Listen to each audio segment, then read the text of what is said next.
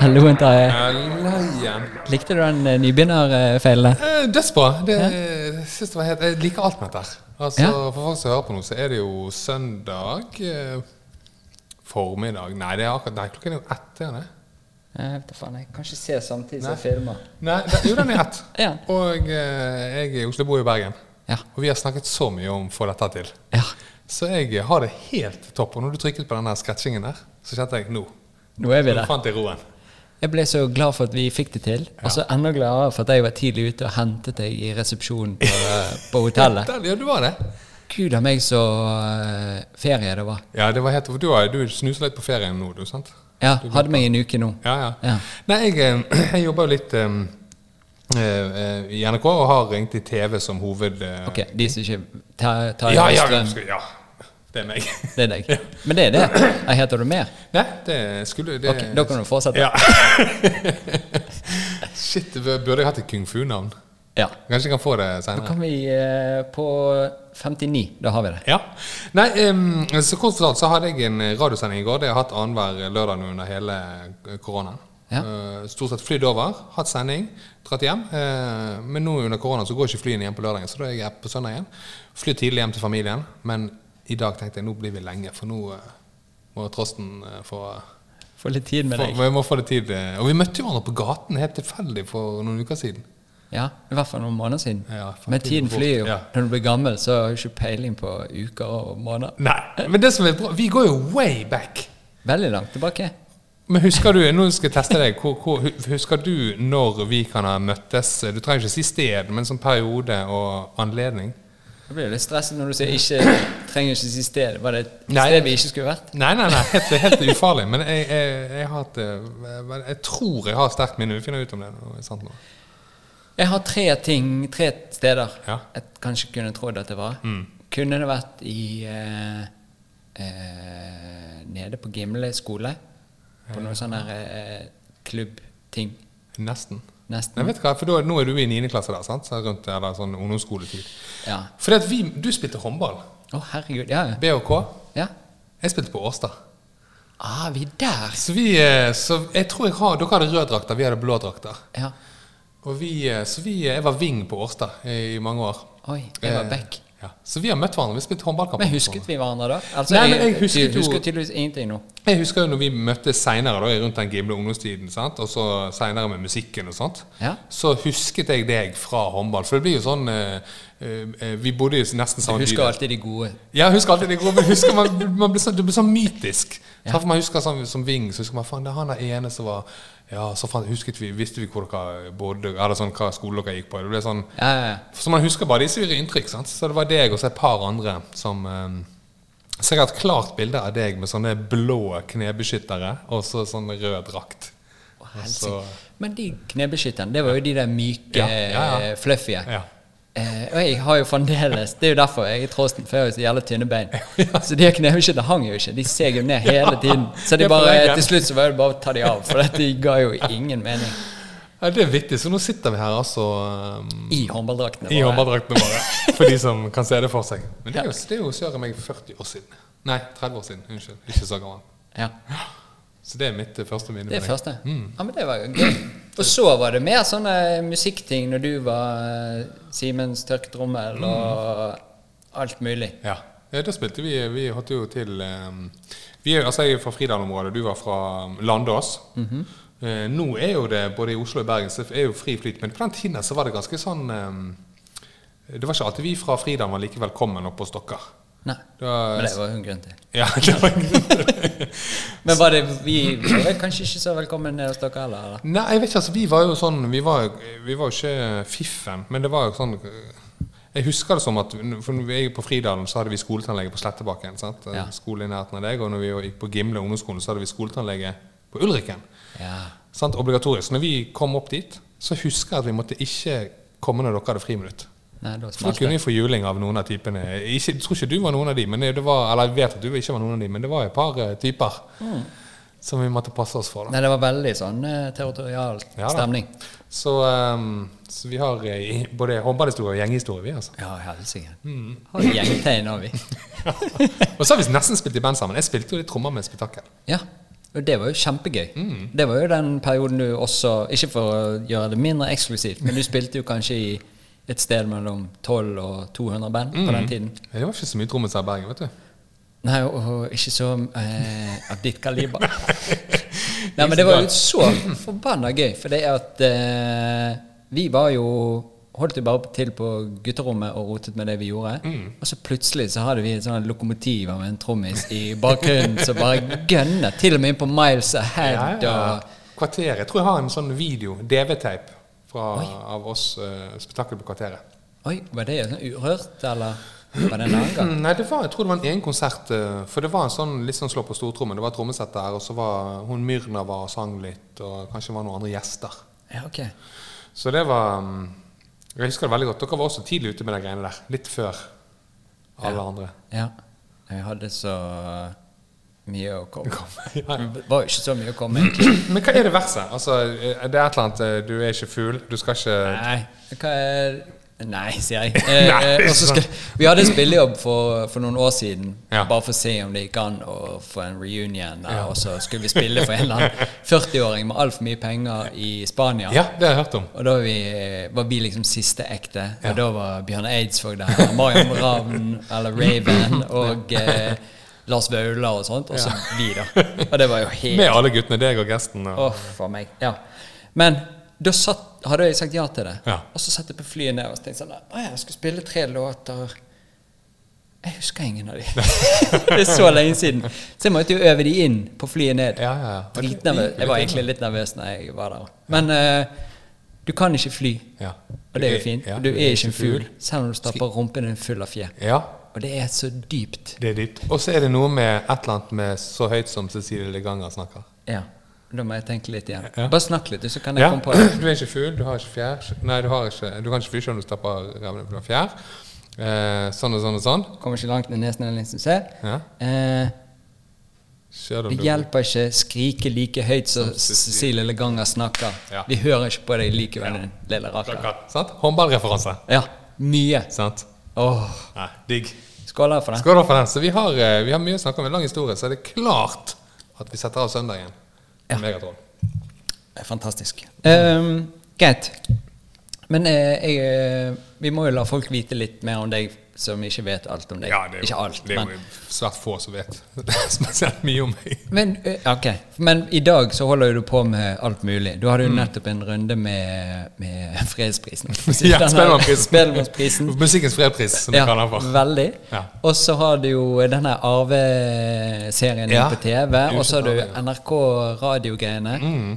Gi meg en liten sånn her eh, oppdatering på hva som foregår her. Ja, det er jo det. Jeg har jo um, Altså, jeg begynte jo veldig ta hele, he, hvor, Hvorfor jeg er her, jeg? jeg kan, ha, hvor jeg, ja, jeg kan gjøre det. For jeg har jo aldri gjort noe annet enn å gått på videregående skole. Eh, Jeg gikk en slags musikklinje på Steinerskolen? Eh, Ja. som eh, var en veldig fin tid. Eh, Men så har jeg aldri spilt trommer. Spilt, som du sa i sted, spilt med veldig mye forskjellige folk. Så har jeg hatt mine egne band, og sånt, sånn som er Ralf Majas. eh, and the Jack Harriman, som var veldig sånn elektronika midt i gryten i Bergen, og røyks opp alt dette skjedde. Holdt på med det i mange år. Eh, datarock. Eh, men så dette Ralf Majas-bandet, der var det eh, meg på trommer, og så var det Erlend som var sånn DJ, og, og så var det han Thomas som spilte perk. sant? Ja. Og så på vår første konsert da, eh, på Kvarteret eh, i 1997, når vi ble et band, så mm, var det ingen som ville snakke mellom låtene. Og vi spilte jo instrumentalmusikk. sant? Så, Ja. Men når en låt var ferdig, og Er- Erlend hadde jo sånn harddisk med altså sånn stasjonær PC med floppy-disker i den. Sant? Altså de der eh, små disk diskettene. Så han måtte jo skifte låter og ordne program og sånt. Noen ganger var det restart. Loade. Han måtte loade. Så da måtte jo noen prate mellom låtene. Ja. Og det var det ingen som gadd. Så da ble det meg. Jeg var minst flau, da, selv om jeg var ganske flau. Ja. Og så utviklet det seg. da. Ralf Maes ble jo et uh, lite maskineri som turnerte og ga ut plater, og ble etter hvert sånn halvstor i Norge. da. Spilte headlandet Øyafestivalen, eller siste band ut på av dagene der. Og, Det var jo, bare for å bryte av, det var jo sinnssykt fete show. Ja, veldig- jo ja. Pyro-greiene med og leverte den der eh, dingsen din. Hva heter den? der? Ja, ja, cymbalen og snurring på stikker. Ja, ja. og alt mulig. Så det var jo veldig sånn eh, Det var jo en grunn til at dere var spilte. Ja, sant, så vi, vi, vi, vi, var, vi fikk jo det til å fungere. Og, men, men da var det hele tiden jeg som var Siden vi ikke hadde noen sanger, eller noe, Erlend sto bak på scenen, han som var Ralf Meyer, så var det jeg som var liksom mellom oss, så var jeg som snakket. Og så ble det, når du gjør ting mye, du blir så tvunget opp et hjørne, så lager du et opplegg på det. Så jeg ble han der snakkekisen. Og Ja. det var og holdt på sånn. Og så spilte vi på liksom toppen av vår karriere i 2006 da spilte vi noe som het P3 Sessions. Da spilte du oppe på Marienlyst, og så var det kanskje 100 publikummere. Gikk det direkte på radioen. Og Da var vi på turné. sant? Og En annen ting med det der om å snakke mellom låtene, er at det måtte man ofte gjøre hvis ting gikk gale. Ja. Så jeg var ganske vant til at hvis ting røk, så måtte jeg holde det gående. Sant? Og da må du ha et lite arsenal av litt sånn der eh, publikumsoppvarming og sant? Eh, frieri og alt dette. Så jeg hadde en liten pakke der. Så det, hvis ting gikk av, så skulle jeg iallfall klare å holde det gående. Så på et P3 Sessions da, så ryker da, midt under konserten så ryker hele strømmen i det rommet vi spiller i. Så det blir helt mørkt. Utstyret vårt bare suger til seg alt. eh, ja, det bare, Så det eneste som funket, det var en sånn gammeldags radiosender med så én mikk festet på en sånn ryggsekk med antenne. Oi, helsike. Så den kom de bare med, og da måtte jeg eh, holde det gående der til de 100 som var i salen. også, de Hadde du den på ryggen òg? Nei, det var lov å si det trommesettet. Så får du Ja, gå rundt ja, med den sånn på ryggen. Jeg var, jeg var ikke langt unna. For da husker jeg, da ga de meg bare den. Var, så da måtte jeg prate til Erlend hadde fått opp, eller at vi har fått strømmen i systemet igjen. Og da um, gikk jo dette ut på radioen. sant? Ja, ja. Men jeg tenkte ikke noe på det, for det var jo sånn um, jeg, var jo vant til det. sant? Ja. Etter ti minutter sånn, så kom strømmen på, men da hadde jeg holdt det gående. Av full sånn der tungetale. Hadde bedt sånn folk hjemme holde på radioapparatene. og sånt. Så sånn, og så, men for meg var det bare en vanlig dag på jobben. Sant? Og så spilte vi ferdig konserten. Og så um, på den tiden så var det Håkon, Håkon Mosleth og Mats uh, Bugge og den gjengen der. Ja.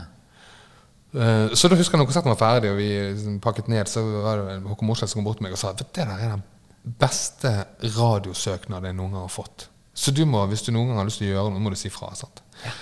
Og så gikk det et par år, og vi, vi trappet litt den turneringen. Og sånt, og da, da var det med en sett Totto Mjelde, da, som hadde jobbet i P3 ganske mange år, som hadde laget program med meg. Og da fikk vi program med en gang. Så det har bare ballet på seg. Pyro. Eh, Nei, det var sexy, faktisk. Sexy, ja, men han hadde pyro, så jeg var litt Ja. innom der. Men um, så det er jo bare ting, sant? Og så har, du, har jeg vært mye på radio, og så har folk i NRK tenkt ja, ja, han der kan jo holde på. Vi skal ikke se om han kan være på TV, da, på Sommeråpent eller på Grand Prix-sendinger og sånn. Så har, har det egentlig bare ballet på seg. sant? Faen, Men alt, alt bunner liksom tilbake til den der med Ralf Majas i 97. Der det sånn der, nesten sånn flasketuten peker på faen, jeg tør ikke å snakke. Tør du? Nei, jeg tør ikke. Ja, ok, da må det bli deg. Ja, så sier jeg bare ja. Så jeg sier jo ja til alt jeg syns virker fett, men innerst inne tenker jeg jo shit, altså. Dette hvordan skal dette gå? meg? Men er ikke det gøy, da, at uh, bare sånne små tilfeldigheter gjør at det skjer? Jo. En venn av meg sier jo alltid det hvis du sier ja, så skjer det spennende ting. Nettopp. Det er nettopp. Og, og, og det krever jo mye helt sånn, eh, kapasitet oppi knollen på at du må sitte og kverne, og du må liksom lage deg et For det, altså til sammenligning, når vi spilte sammen med Spetakkel, sant, så var jo dere eh, hadde en greie, og så spurte dere meg om jeg kunne spille trommer. Vi øvde jo aldri. Sant? Det var så, jeg fikk låtene deres. Ja. Og så visste jeg at dere, var, dere hadde et opplegg. Så jeg måtte bare lære med de låtene, og så måtte, vi, måtte det være sånn at det passet inn i greiene deres. Og sånn tenker jeg hele tiden med, med det jeg gjør på TV. og sånt også, sant? Her er det Spellemannprisen. Da da har jeg sagt ja. Ja. Men da må jeg se litt på hvordan Spellemannprisen har vært de siste årene. Og så må jeg se, altså, da må jeg gjøre det forarbeidet som gjør at jeg kan levere så bra som Spetakkel vil ha det på trommer, eller så bra som NRK vil ha det på TV. sant? ja. Så jeg er veldig vant til det der å få et oppdrag, si ja og tenke fuck, hvordan skal jeg løse det? Dette må jeg sant?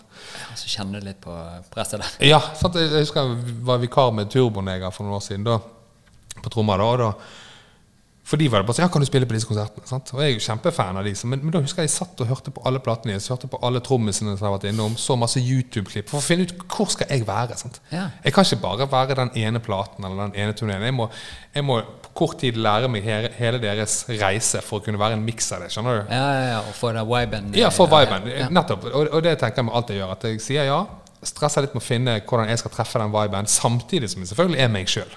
Ja. For eh, inn i TV-bransjen og radiobransjen er det mange som kan gjøre det som jeg gjør. Så jeg regner jo med at de som spør meg om å gjøre det, vil ha noe som jeg tar med meg. Ja. Så jeg må alltid passe på at jeg Men det det er godt sagt, det med vibe. Jeg prøver liksom å treffe den. Eh, Og det krever litt forarbeid, men jeg syns det, det er kult. Ja. Og du er jo forbanna dyktig på alle de tingene. Ja, Flaks. Ja, jævla flaks. Men så er jo du så koselig og fin fyr. Og, Ja, takk og når du, det som du sier, at alle kunne gjort din jobb, det er jo Mm. ikke sikkert, men i hvert fall mange kunne vært i stillingen. Men du har jo et sånt fint eh, vesen. Ja, og min mor Å, han har Tarjei igjen. Jeg husker når han kom bort til meg på ene konsertene og sa at han syntes det var så gøy å spille med guttene. Ja, og alt mulig. Eh, tror du han husker det? Han spurte meg i sted. Ja, jeg må hilse. Jeg skal gjøre det. Det er, viktig, nei, men det, det, det er viktig, da, for det, det er noe jeg har hatt med meg hele veien. Sånn, eh, når du spiller i band og holder på. Så sånn, eh, det er alltid Det er jo masse band, og det er, alltid, det er masse trommiser, og det er folk eh, så, så det er viktig for å liksom kunne få en levetid, eller for å kunne holde på med noe, så må du jo En ting er å kunne det du skal, men så må du, må jo være hyggelig. Du må jo være omgjengelig. hvis du er hyggelig. Ja, Jeg kjenner jo ja. noen som ikke er hyggelig, som prøver å være Ja, nei, det går jo heller Det ikke. skinner jo gjennom. Ja. Alt skinner gjennom til slutt. Men det er sånn med, med Ralf Meyers og Datork, vi, vi turnerte jo veldig mye. og Da er du i turnébuss. sant? Da er du i eh, kanskje to-tre uker i en bitte liten buss da, med køyer og sånt, og så er du med de samme folkene hver dag. sant? Du, klart du må passe inn. Selv om du har lyst til å være individualistisk og ha ditt uttrykk på scenen, så må du likevel forstå sammenhengen rundt de andre 23 timene du ikke er på scenen. sant? Ja, for det er ikke sikkert den konserten har vært like fett hvis bare du satt der. Nei. Eller bare, Nei. eller bare Så vi må jo på en måte funke sammen. Ja, og det er den beste skolen jeg har hatt. Altså, for det, du lærer altså så mye av med, med sosial omgang. Og, sant? Du treffer folk både før og etter konsertene. Det kan være intervjuer, det er møte med, med folk som liker musikken din. Sant? Så selv om du har en elendig dag, så, så har jo folk betalt for å se deg. Så hvis de har lyst til å prate med deg etter konserten, så er det, da er det nesten et sånt krav. Det må du gjøre. Fordi at, eh, Du er på jobb. Ja, og hvis ikke du gjør det, så kommer det et annet band som er kanskje litt dårligere enn dere, men enda mer omgjengelig. Og da er det de som sant? Så det er jo alltid eh, Og det er ikke at jeg er sånn hyggelig for enhver pris, for, men, men eh, jeg føler meg liksom heldig som får lov å holde på med de tingene jeg holder på med. Og da er det å være eh, på plass, rett og slett. sant? Ja. Jeg tenker alltid det. altså igjen, Enten det var spetakkel, eller om det er Spellemannprisen. eller Da har folk tenkt Tarjei skal inn her og spille trommer. Han skal lede dette her. Ja. Og da tenker jeg, da skal jeg gjøre det, og da må jeg være minst mulig til bry. Skjønner du? At jeg skal kunne mitt sånt Kameramannen kan gå til lunsj når han vil, eller uh, sminkøren skal kunne ha fri. Ja. Altså, jeg skal ikke stå og rote, jeg skal ikke stå og øve meg, jeg skal ikke stå og så tulle. Dette er ikke bare deg, det er hele Nei, det, opplegget. ja, det hele opplegget. Så jeg må ha lært min eh, rolle i dette puslespillet, sånn at den bare passer inn.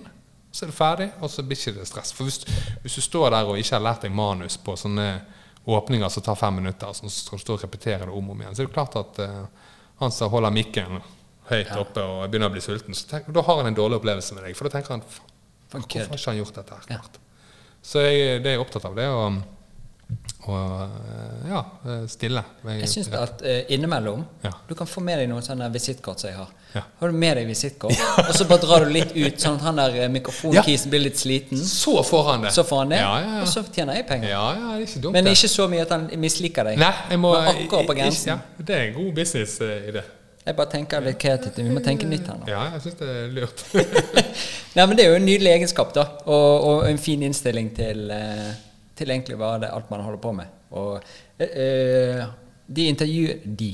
Ja. Du vet hvem de er, sant? Ja, ja. De intervjuet eh, en av vaskepersonalet på NASA. Oh, ja. Bare, Hva syns du om jobben din? Ja. Den feteste jobben i verden. Jeg er med på å sende raketter ut i verdensrommet. Ja. Hvis ikke han vasker gulvet, Ja. så er det noen andre som må gjøre det. Ja. Og så går det utover noe oppover i systemet. Så alle er bare på lag. Ja, og det tenker jeg òg. Og det er sånn, igjen tilbake til turnébussen. Altså greit, Den ene timen så er det jo kanskje jeg er en av fire som står på scenen og får applausen og dette her.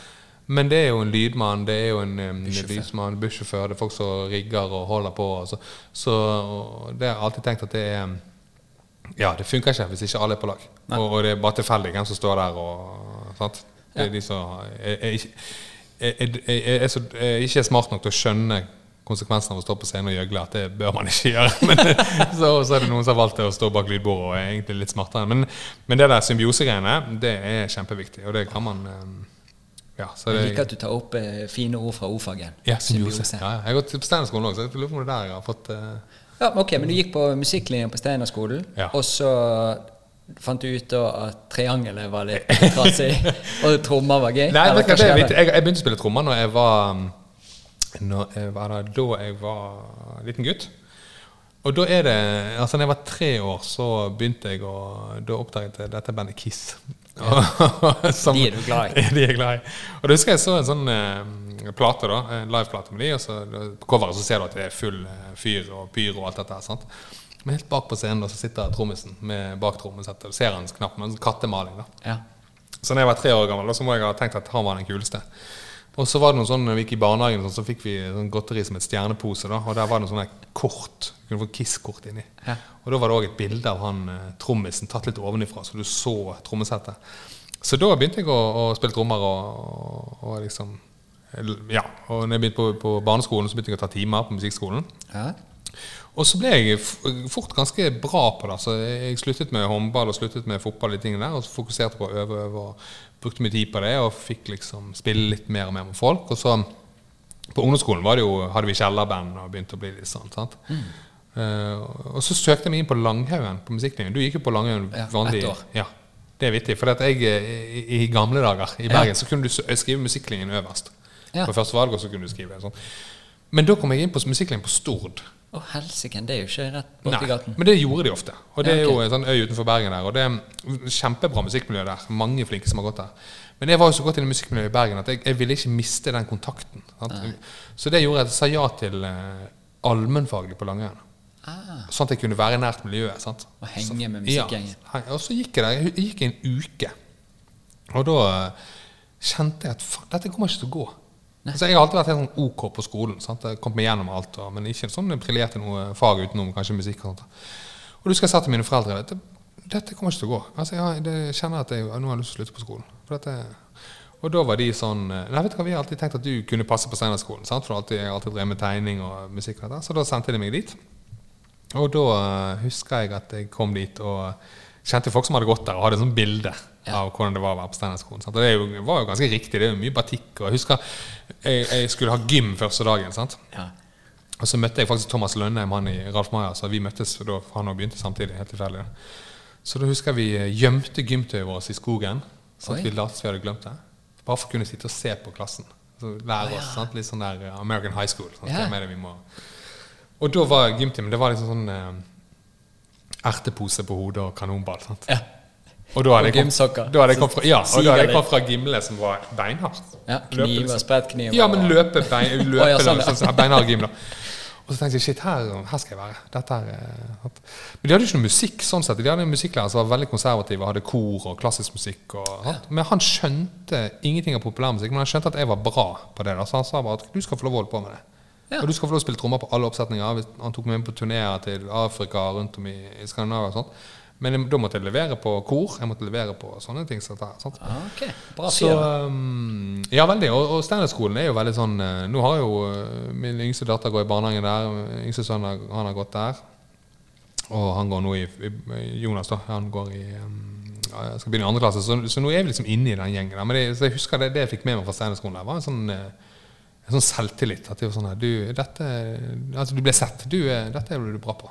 Gud, Eh. Så, så jeg er veldig glad for det. Så, så det var liksom Så måtte vi gjennom eurytmi og mye sånne rare ting. Sånn. Du som Ja. driver med kung fu, det er jo noe der. Det er jo kjortler og dette eurytmi-greiene.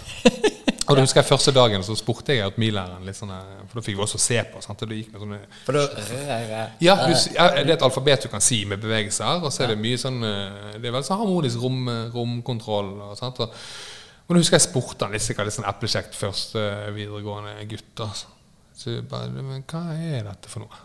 Ja. Og da husker jeg han bare sa ehm, Det skal du aldri spørre om.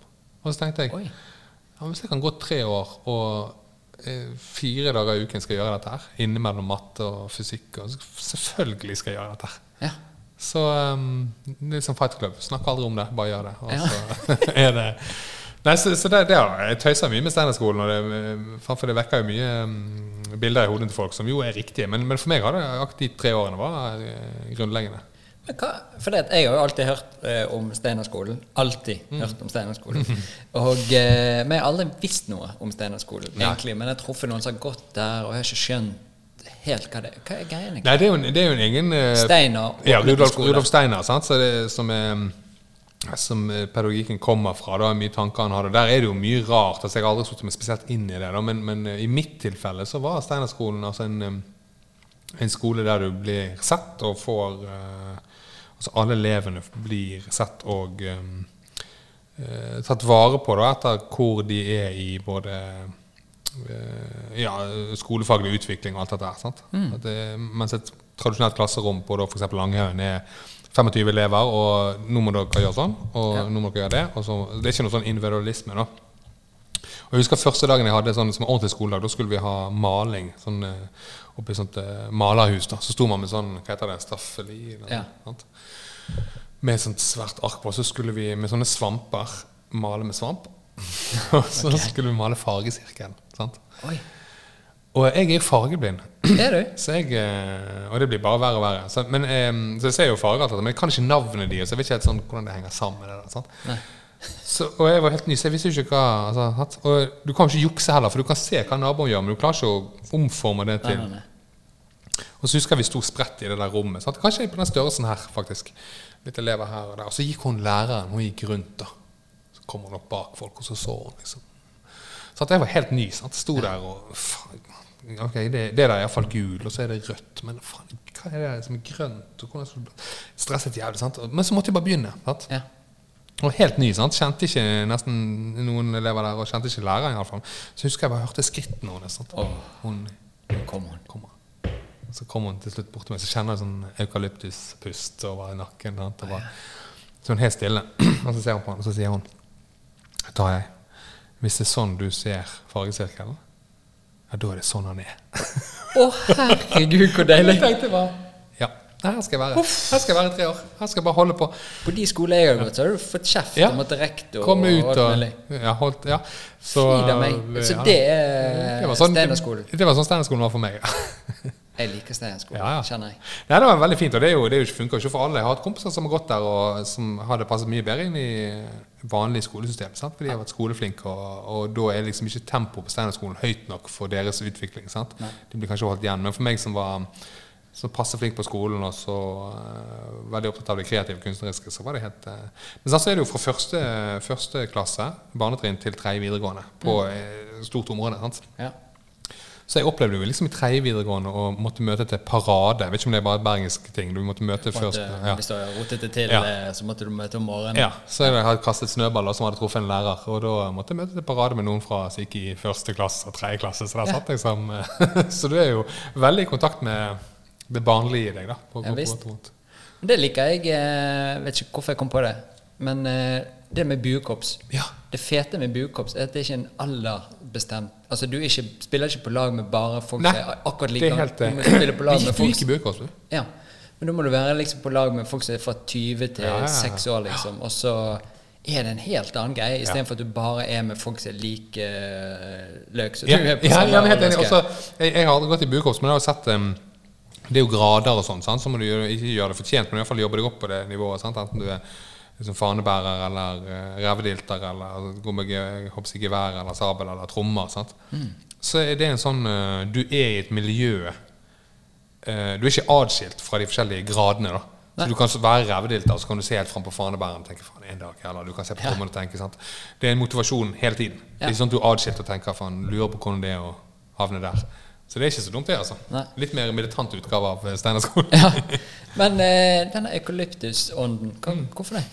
Var det var, var frisk kom på Ja, den tiden? liksom kom, Nei, jeg tror det var kanskje sånn at jeg tygget noen blader. Jeg, altså. At det var sånn, eh, helt sånn eh, Batikk, eh, Ja, ja. Det er litt som derfor jeg, når jeg kom inn i lokalet litt, så kjente jeg røkelsen. Ja. Det sendte rett Ja, vi har litt sånne røkelser Ja, ja. hver morgen. Så. Er det duftelys òg, eller? Nei? Nei, det vet jeg ikke. Jeg kjøpte det fordi at eh, Det var påske? Nei, for vi er jo nå på klinikken min. Ja. Og grunnen til at vi er her, er fordi at jeg bor på et lite kott av et hotell. ikke sur eller noe, men jeg bor der i fem uker. Fordi at jeg holdt på å bytte noen rør i kokken min. Ja. Og da tenkte jeg vi får gjøre det beste ut av det. Og så kjøper jeg et stearinlys. Og det er kjøpt til denne anledningen. Ja, egentlig fra han som var før. Men, eh, men eh, jeg tenkte jo på at nå kommer Terje snart òg. Ja. Og dette er den duken For vi har sånne meditasjonsgreier med Bettine Zetlitz. Å, ja, Og ja, da eh, bruker vi denne duken på et bord for at det skal se det fin ut. Og nå ser det jo ut som vi sitter på en fransk restaurant er inne på en klinikk. Helt topp. Så det er jo eh, Nei, jeg liker det. Og det er denne stemningen. At det er, igjen, jeg er fargeblind, så jeg vet ikke hva farger du har her, men det er noe eh, Men hvis du skulle sagt hva farge det er Altså den fargen som er her, som du ser, det er den fargen. Ja, men er det i eh, Dette er viktig, for dette, hvis du lager et videoklipp av dette, så ser jo heller ikke lytteren hva farge det er. Men er, er det grønn Er det grønn kategorien? Eh, Eller er det grå kategorien? skal jeg hjelpe deg? Nei, du, du må bare si hva det er. Nei, men Tror du at det er grå? Ja det er, altså, Hjernen min sier er et sted mellom grått og grønt. Noe på G. Mm.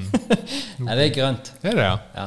Kan du skjønne at jeg mener det kan helle mot grått, eller er det vei, Ja, hvis du er fargeblind. Så skjønte jeg. Ja, altså der har du så jeg eh, Gardinen er grå.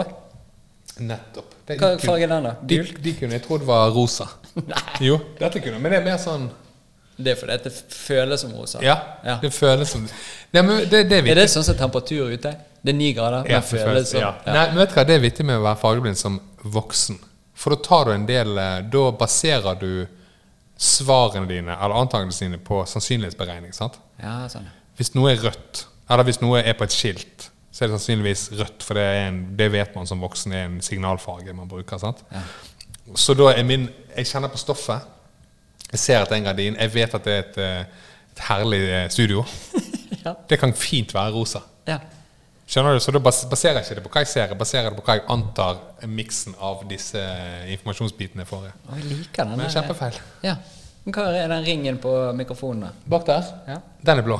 Jeg skjønner. Kødder du? Hva er den rosa? Han knuser rosa. Ok, Ja. nå skjønner jeg. Den er det. Men det er vittig, for det at Nå skal ikke hele den er, denne podcasten den er oransje. Yes! Men nå skal du høre. Er det- ja, det er ikke lov, det. Men, Nei, ok. For det er vittig. For der, der har du igjen sannsynlighetsberegninger. For jeg vet jo Jeg har jo lydstudio sjøl og holder på med dette, der, og, og der er jo alltid em, Det er rødt og blått. ja. Eller hvitt. Så prøvde du deg på Så jeg tenkte bare at den er selvfølgelig blå. Men så hadde jeg sett på den første hadde jeg sett at ok, den er jo ikke rød. For den, jeg ser forskjell på rød og, og oransje. Så da har jeg tenkt at ja, kanskje de har gjort en liten miks. Røde har gjort en liten sånn. sant? Og det er det de har gjort. ja, Orange. Så da lurer de sånne som meg. Så der har du den. Uff, Dette var fint. Ja, spennende. Men så eh, var jo du ferdig på Steinerskolen. Ja. Bare for å hente oss inn igjen. Ja, ja, ja. eh, eller du ble jo ferdig der til slutt. Ja da, ble det. Og um, Og da var du blitt god på trommer. Og så nevnte du i sted at dette med Afrikaturné. Var du på det? ja, ja da, det var For jeg var um, For Afrika er jo et lite land. Er det, det, det lille landet Afrika. Nei, jeg, har jo, jeg var jo eh, Jeg trivdes jo så godt på Steinerskolen at uh, på den tiden når du var ferdig på skole, så måtte du jo vår generasjon eh, Det hørtes veldig gammelt ut. Men vi måtte jo i militæret.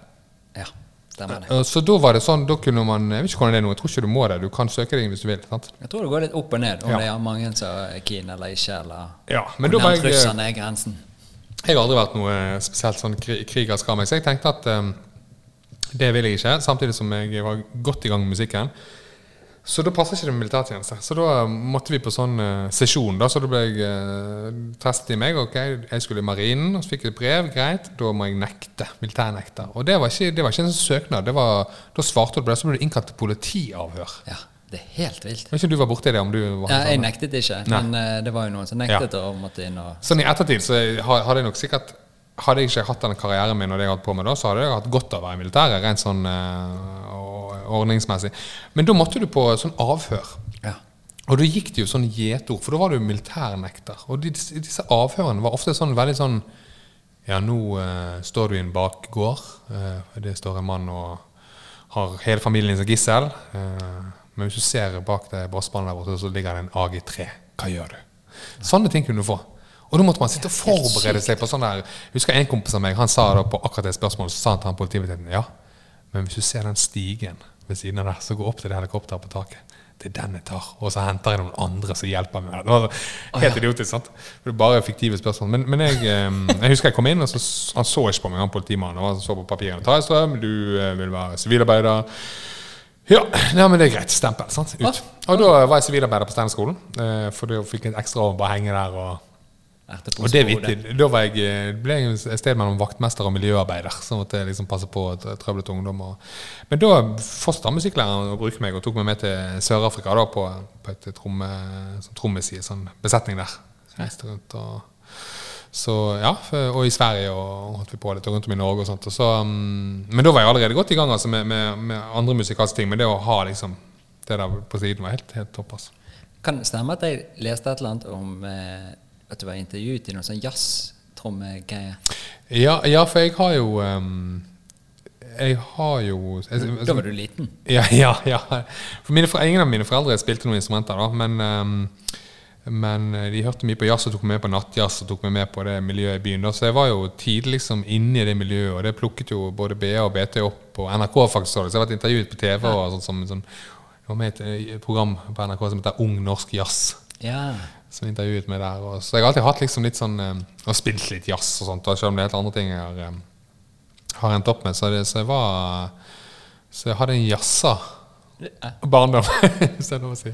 Men hva skjedde med barndommen din? Har du, er det noe du savner fra barndommen siden du har laget dette her eh, Ja, det er vittig. Nydelig rommet ditt der du har, alt? Der har du stjernepose Ja, ja. inni et lite monter. Ja, vi kan forklare det.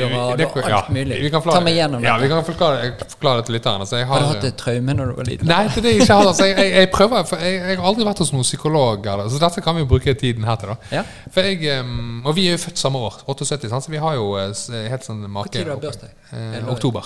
Ja, okay. Du. August. Ja, så da er det nesten helt likt. Ja. Så vi vokste jo opp da på eh, den beste tiden, vil jeg si. Sant? Eh, På 80-tallet så var vi eh, gutter. Og så alt vi så og leste, var jo mye gøy. Sant? Popkultur fra USA spesielt. Sant? Og, mm. alle disse TV-seriene og Star Wars. Og jeg var veldig opphengt av det, i det. da ja.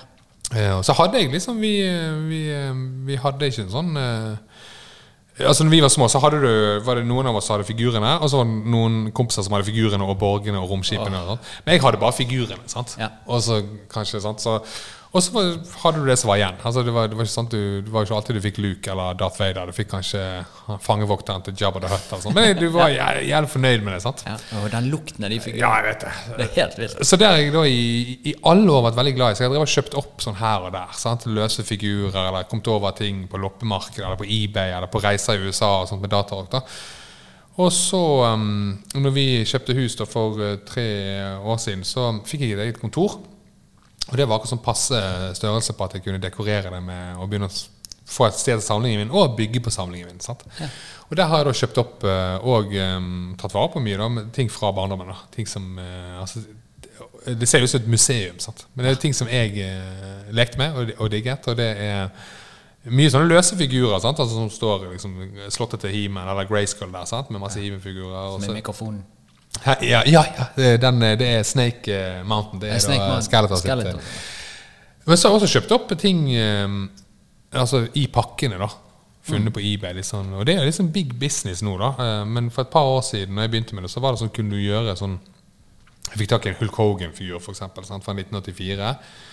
eh, For 900 kroner her i Norge. En fyr som solgte. Og det er sånn, Søker du opp på eBay nå, så er Hulk Hogan i sånn uåpnet pakke. Det kan gå fra 10 til 20 000. Altså helt ville summer. Men jeg har aldri spekulert i det. Jeg har jo en, en liten gutt hjemme som syns dette er veldig gøy. Og ser på det og leker med det. Og, så sånn, eh, hvis, jeg, hvis jeg dør, eh, så får de bare Eller når jeg dør, så får de bare gjøre hva, hva de vil med det. Ja, Da kan de åpne det? Ja, jeg kan åpne det hvis de vil det. Jeg kan selge det hvis de vil. For meg er det bare en sånn eh, en litt sånn tidskapsel. På at jeg, jeg gjør mye av arbeidet mitt der inne. Sant? Jeg jobber med manus og lærer meg ting og sånt. Og da er det sånn da kan det være en 42 år gammel mann som sitter og jobber tungt med nervepirrende spellemannmanus. og så kan du snu deg, og så er du 12 år igjen og ser på de fargene og kjenner på den der eh, ja, lukten fra figuren. Og så. Ja. så det er apropos uh, sett litt som meditasjon. Altså det er noe sånn eh, så, så, så det lange, eller korte svaret på det, det lange resonnementet mitt er at jeg hadde en veldig fin barndom, og det tar jeg liksom bare med meg inn i, i eh, det voksne livet. da. Og så har du fått denne lille eh, spilleautomaten. Ja. Jeg har en sånn liten um, Hva heter det? Arkademaskin. da Klass Olsson solgte vel ikke, gjør kanskje enda Det er, sånn, um, det er halvparten eller Det er ikke like stor som en sånn vanlig spillehall, men det er samme sa- krympet litt, så du kan sitte og spille på den. da Og så kan du, du, Hvis du kjøper det på Klass Olsson, eller hvor er, så kan du velge mellom kanskje Street Fighter eller Space Invader, eller, og da får du to Street Fighter-spill eller to Space Invaders-spill. Men så er det noen i USA som selvfølgelig har funnet ut en måte å modde disse her på. da Og da kan du kjøpe en sånn liten chip og en liten pakke, og så får du det sendt over. Så limer inn i greiene, og så har du plutselig eh, 3000 spill fra barndommen din. Da har du alle konsoller. Du har alle Arkadespillene, du har alle Nintendo-spillene, Nintendo 64, noen PlayStation-ting, Sega. Så det er jo helt, helt eh, rått. og uten loadetid. Ingen loadetid. Husker du Commodore 64 og sånt? Rambo og de der zzz, Måtte vente på bildet Og så var det en som gikk litt for hardt i gulvet, og så måtte du begynne å Nei, du må ha papir under, og Ja, så ja. må du Og så måtte du spole på Commodore. måtte du spole, sant? Finne det på den der um, telleren. Hvor langt du kommer, for det gjerne flere spill på én kassett. og sånt. Jeg er veldig glad i den. Helt eh, vilt. Jeg husker en gang moren til laserkjøret kom inn mens vi var på å loade. Ja. Og så smalt hun i døren, for vi skulle egentlig til lekser. Mm. Og da fucket hun loadingen vår. Ja. Og det var så nedsig. Ja, det der eh, Jeg tror ikke hun skjønte Det var greit å være sur, men du ødelegger ikke loadingen. Nei. Vi har loadet i en og en halv time, sikkert. Lars Ninja bare får aldri spilt det for det. Nei, så den tiden der er veldig Det minner meg faktisk på det er et lite apropos i, i forhold til det vi snakket om i sted. For jeg, eh, jeg vokste opp eh, ved siden av eh, Frank Aarbrot. Altså, han var god familievenn. Og så, så sønnen hans, da, Erik, gikk vi i klasse med. Sånn naboer. da. Og vi, eh, vi eh, Foreldrene våre jobbet jo, så vi, de ville ikke at vi skulle henge hjem, eh, hjemme. da Nei. så, så var ikke det SFO eller fritidshjem på den tiden. Men så hadde de startet noen greier på Vega, altså bak Vega, eh, Sletten senter. Ja.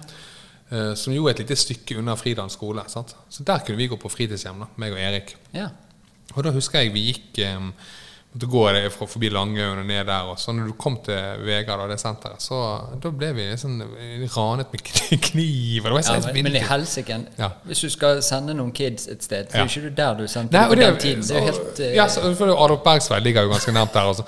Chicago. Ja, Chicago. Sant? Men vi hadde jo litt sånn der, um, raddisforeldre som tenkte at folk var, alle var greie. Og, og så syntes vi det var så stress det da, så var det så dårlig system. Det var jo ikke telefoner på den tiden, og det var ikke internett. og det var ikke...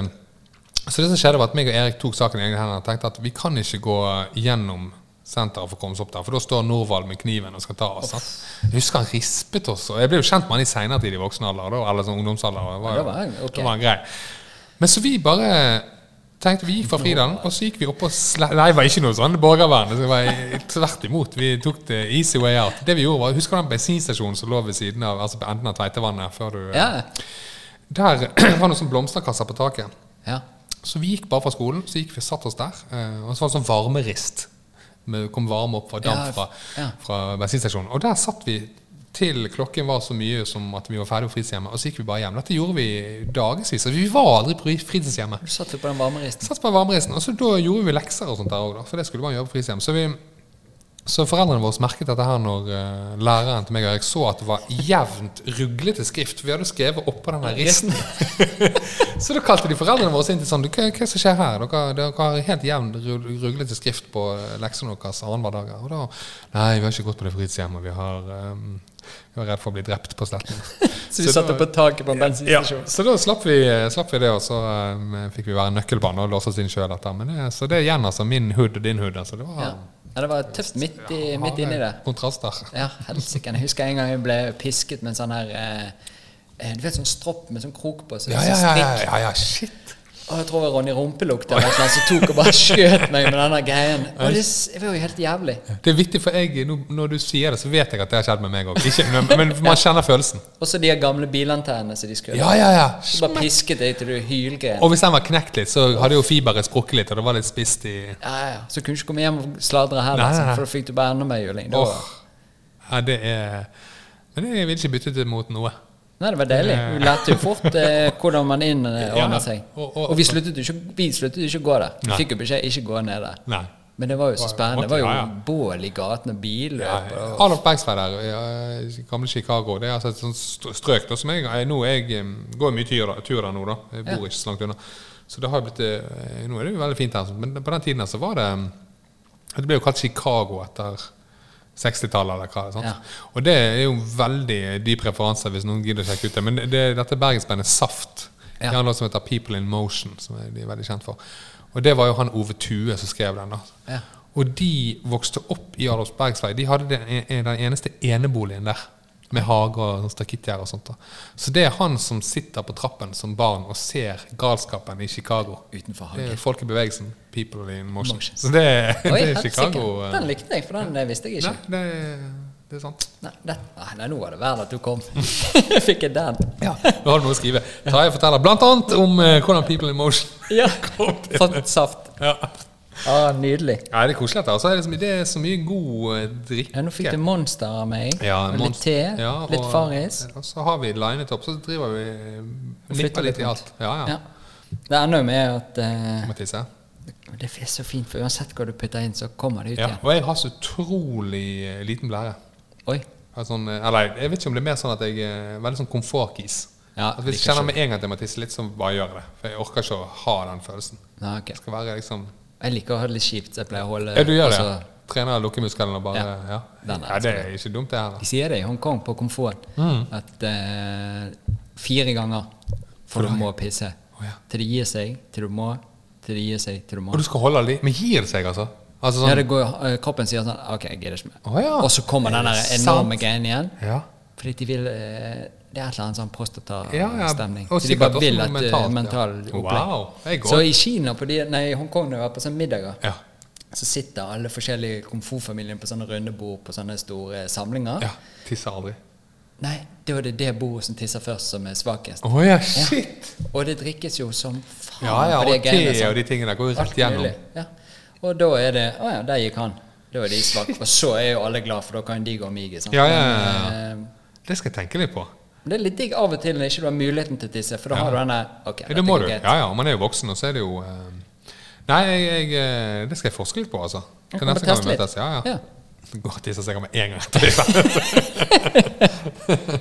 Å, gud, så deilig. Men så var jo du um, ferdig med alle turneene dine Ja. og jazzet deg og Men ok, jeg har noen figurer. Ja. Det har jeg jo sagt til deg. Ja. Jeg skal prøve å få litt kontroll på dem. For det eh, jeg har jo noen sånne Ghostbusters-figurer Ja, ja. noe eh, er greier. sånt. Jeg er jo mer på Lego nå, så jeg samler ikke så mye på dem. Og jeg syns det er gøy. Jeg har ikke kids. Nei, nei, nei. Tarjei kan Du har meg. det. Ja, ja, for det, det må du si fra om. For Ghostbusters er litt sånn um, Det er jo vittig når man ser eh, Sånn så, I Bergen også vi bodde, så var det veldig populært med, med He-Man og Star Wars og de tingene der. Det finner du mye av. sant? Altså, Mm. kan finne på loppemarked. Så sånn som wrestling. Ikke, det var litt sånn, det var ikke alle, det var, Kanskje noen som har tatt med seg en fra USA. og sånt. Ghostbusters er litt sånn. Det var ikke sånn, eh, det, det er ikke overflod av det. Nei, jeg tror min far tok med fra Uniten. Det er nettopp det. Ja.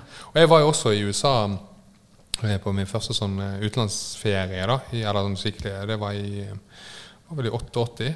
Da var vi med hele familien. Og da var jeg eh, sånn til ti år og bare fikk se wrestling på TV og fikk spille Nintendo Nes. Og, så det har jo sittet dype spor. Da kjøpte jeg dødsmye ting med. da, altså Wrestlingring og figurer og T-skjorter og alt. Og det er alle de tingene har jeg igjen da, i samlingen. Hadde du kanaler da du var liten? Hadde ikke. Ikke. Hadde du? Nei, hadde ikke. Og Min det- mormor fikk plutselig på et tidspunkt. Ja, ja. Så da lå jeg over der og så på Fun Fact. Ja, ja, og- på Sky Channel. Å. Nei, men Det er òg en sånn ting fra barndommen at um, Jeg hadde ikke kanaler. Hadde NRK, sant? Eh, og så jo alt Ja. av det. Altså Var det musikk på TV, og du var glad i musikk, så måtte du se Samme hva det var, så så du det. Sant? Bare for å få litt sånn glimt av en trommis i bakgrunnen. Eller. Og lørdagsunderholdningen og alle disse tingene der. Og så var det kompiser. da Det var på landet, da på Tysnes utenfor Bergen. Da var det noen som hadde parabol ganske tidlig. da Ok. og sånn, eh, så da var det lå over der, og kanskje du kunne få lånt i en eh, Kjøpte en videokassett så du kunne låne til de så de kunne ta opp på. Men så hadde du ikke videospiller sjøl, så måtte du låne sånn moviebox. da Fantasier oppe på et, Ja, ja, ja. eh, torget der på Sletten. og sånn. Nei, så, så jeg hadde aldri Så når jeg flyttet hjemmefra, og, det, det sier uh, Juni og samboeren til meg ennå Jeg fremdeles sitter fremdeles og zapper for å finne noe bedre. Sant? Altså, leite. Syns det er gøy å skifte kanal. Og det er kun Folk- folk som har vokst opp uten kanaler, som gjør. Jeg syns fremdeles det er spennende å se hva er på neste. Hva er her?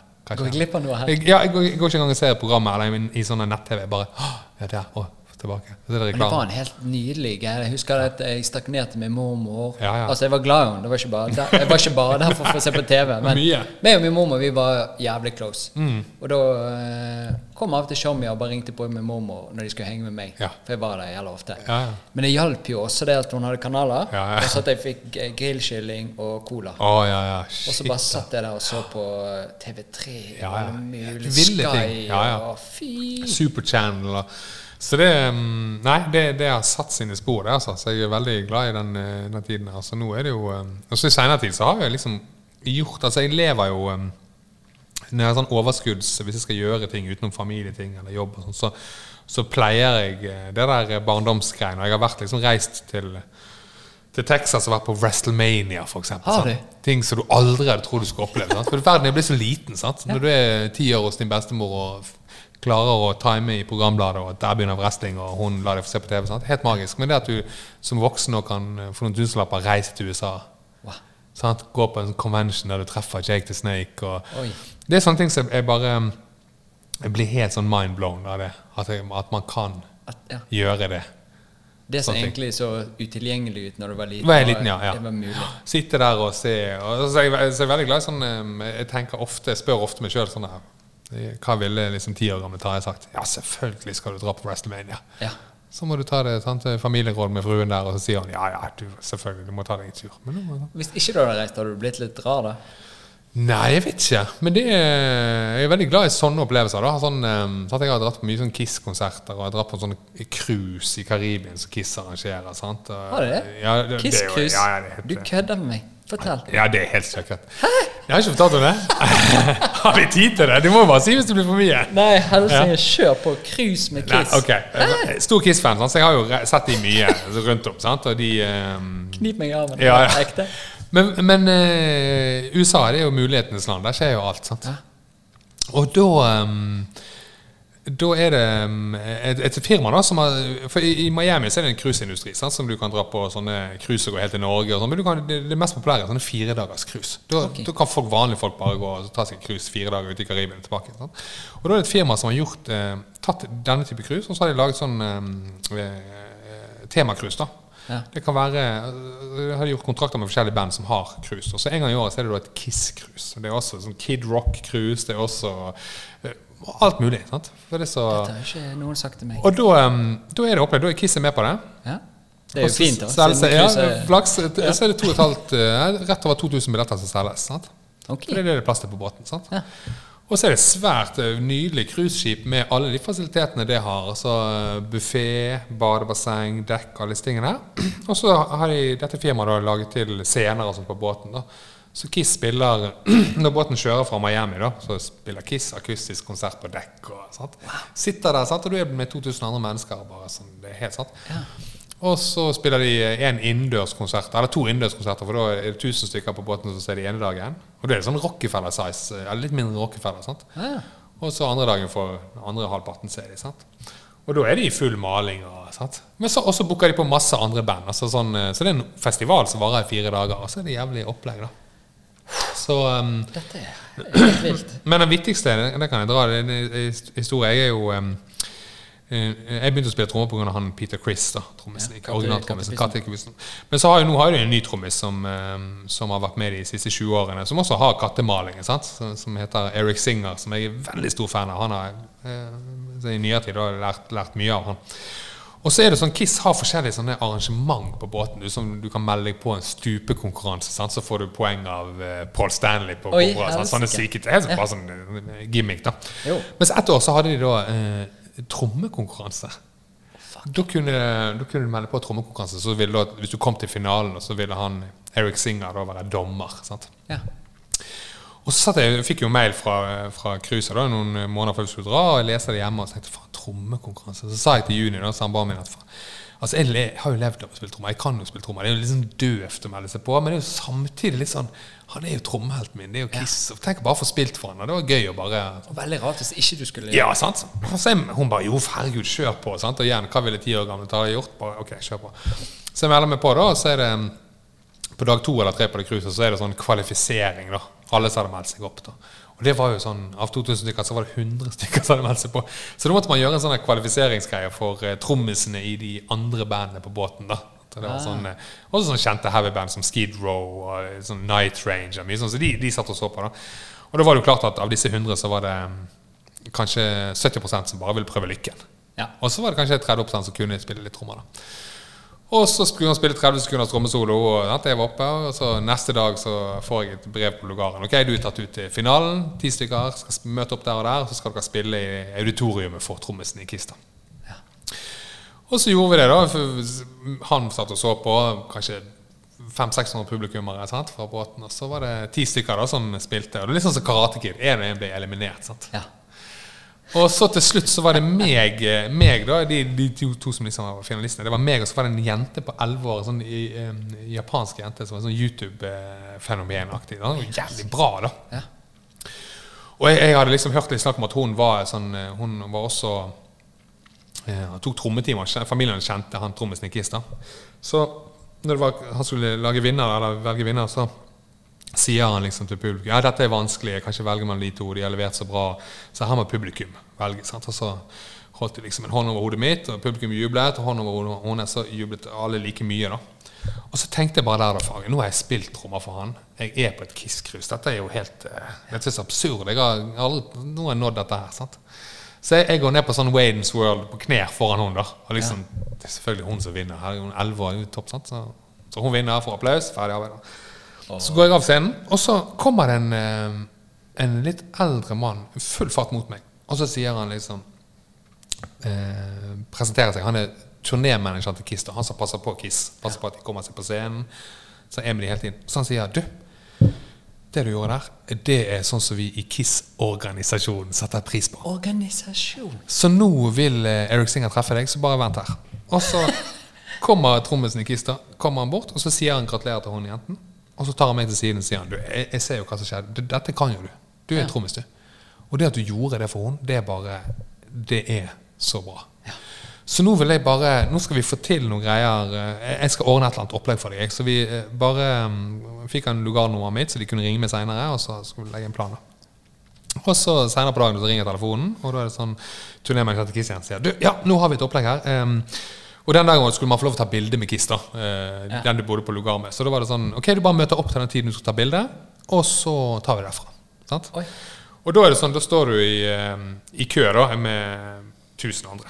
Og så ja. sneglekø, sant? og så kommer du inn til et forheng, og der står Kiss da, i full makeup. Og da kommer du inn, og så tar du et bilde, og så går du ut igjen. sant? Ja. Du blir bare sant? 20 sekunder. Ja, sant? eh, del av pakken. Og så når jeg kommer når det er min tur, når jeg kommer inn, så snur, står jo Kiss der, sånn to meter høye med de her fulle Altså, det ser helt vilt ut. sant? Ja. Og så sier da Eric Singer til resten av Kiss Der er han. Det er han som fortalte dere om. Han som gjorde de greiene. Og de bare fistbump og yeah, kult. Og, og så sier han Eric Singer Ok, nå, nå har jeg eh, Jeg har noe til deg, men eh, nå må vi bare vente til eh, vi er ferdig med de bildene. Men jeg har ordnet en stol til, til dere, så dere kan sitte rett utenfor her. Og så når lokalet er tømt, så Så da fikk jeg bare en stol rett utenfor der forhengen til Kiss. Kunne bare sitte og se på Kiss en time etter å bli tatt bilde av. Og, sant? og bare og så tømte de lokalet, og da, var det, da skulle Kiss spille konsert om en eh, 20 minutters tid. da Sier litt dårlig time, så tømte de lokalet. Da var det bare meg, min fetter da, som var med meg, og så Kiss. Og så et par andre folk som Dette er sykt. Og de gikk jo rundt i de draktene sine. sant? Og Paul Stanley han skulle treffe én fyr. Og sånn. Men han trommisen skulle treffe meg, så han eh, kommer da med en skarp tromme. Altså Oi. trommen hans. Hans Ja. personlige tromme, som var sånn eh, Denne skal du selvfølgelig få. Altså det du gjorde her, det er min tromme, den, den må du ha. Det, og så, han sto jo liksom i full maling der, og, og jeg er jo ti år i hodet og bare tenker dette er så sykt. Men samtidig er jeg profesjonell og tenker ja, ja, og spør om trommetriks, og han viser meg litt ting. Og, og så plutselig så sitter min fetter, da, han eh, er med på dette, her, så han eh, dytter litt i meg, da, sånn forsiktig. Og så nikker han til siden, og da, og da ser jeg siden av oss, sånn eh, fem meter borti der, så sitter Gene Simmons, da, han demonen i Kiss. Ah, ja. Han har liksom uh, satt seg ned med en sånn søyle der det er litt sånn uh, gjenskinn i. Så han ser seg sjøl. Har han stått med folk og blitt tatt bilde av i to timer. Sant? Så han blir sliten. Ja. Nå skal de spille konsert nå straks. Så han sitter da med den søylen der og ser på seg sjøl og liksom blir en demon. og egger seg opp. Sant? Oi. Og da tenker jeg, Dette er jo ting som folk aldri får se. Oi. Nå er jeg liksom, jeg er med Kiss rett før de skal spille konsert. Trommisen gir meg en tromme og snakker til meg som en kollega og spør hvordan jeg gjør ting. Og sånt. Og så kom manageren til Kiss til slutt og sa sånn Ok, gutta, nå er det to minutter til vi skal på scenen. Og, eller?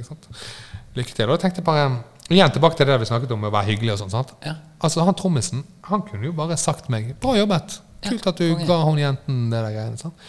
Men så lager han et jævla styr med å liksom få tak i meg, finne meg, gi meg den trommelen, liksom presentere meg til bandet. Ga meg en stol.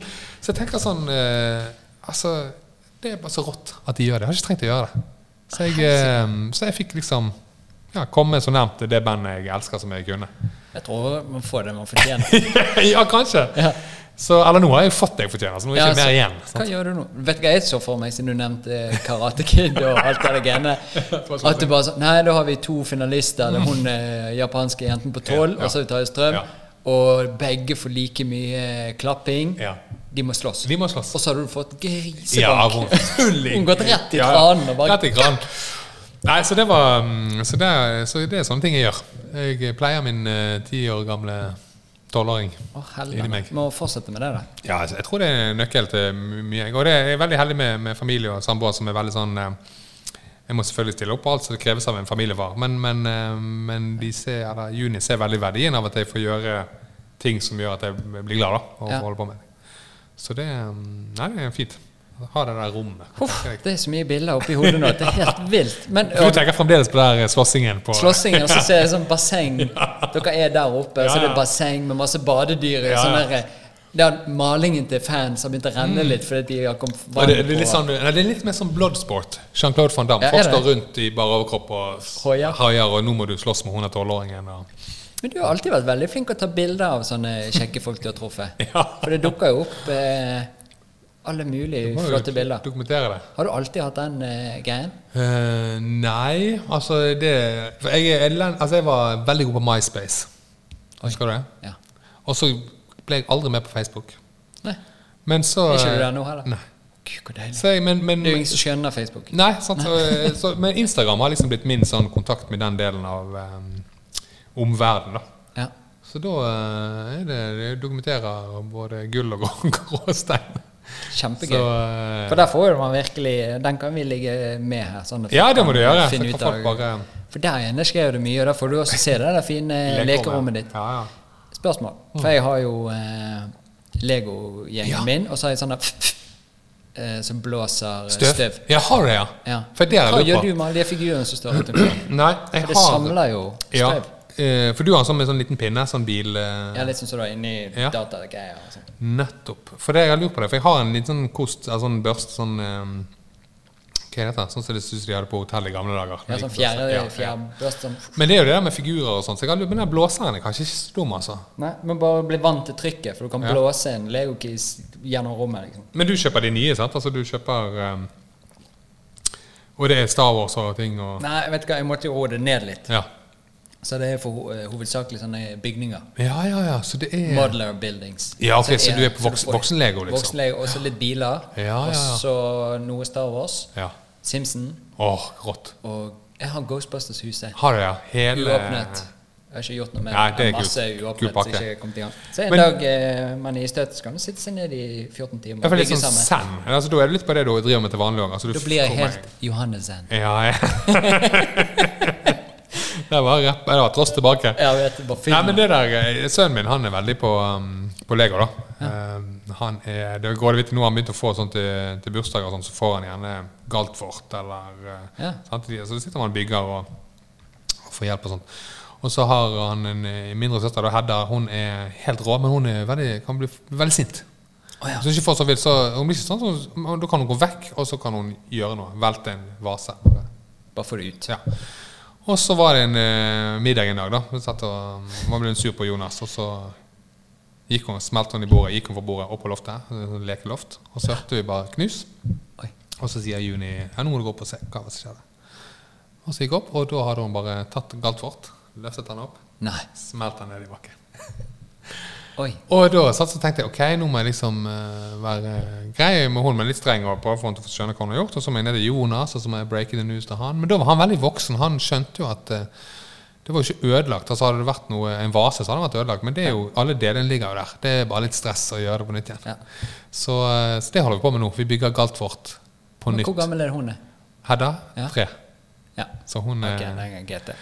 Men, og, så, så nå holder du på å bygge det opp igjen. eh, Og det er litt stress når du eh, ikke har alle bitene der du ønsker å ha de, disse plastikkposene og sånn. sant? Ja. Men det er, det er litt som veien eller målet. Jeg tror Lego er mye veien, altså. Sitte- Mye veien. Ja, Og så kan du miste litt motet. Jeg hadde en sånn isbil, oh, ja. og så hadde var en showmy på besøk med sønnen.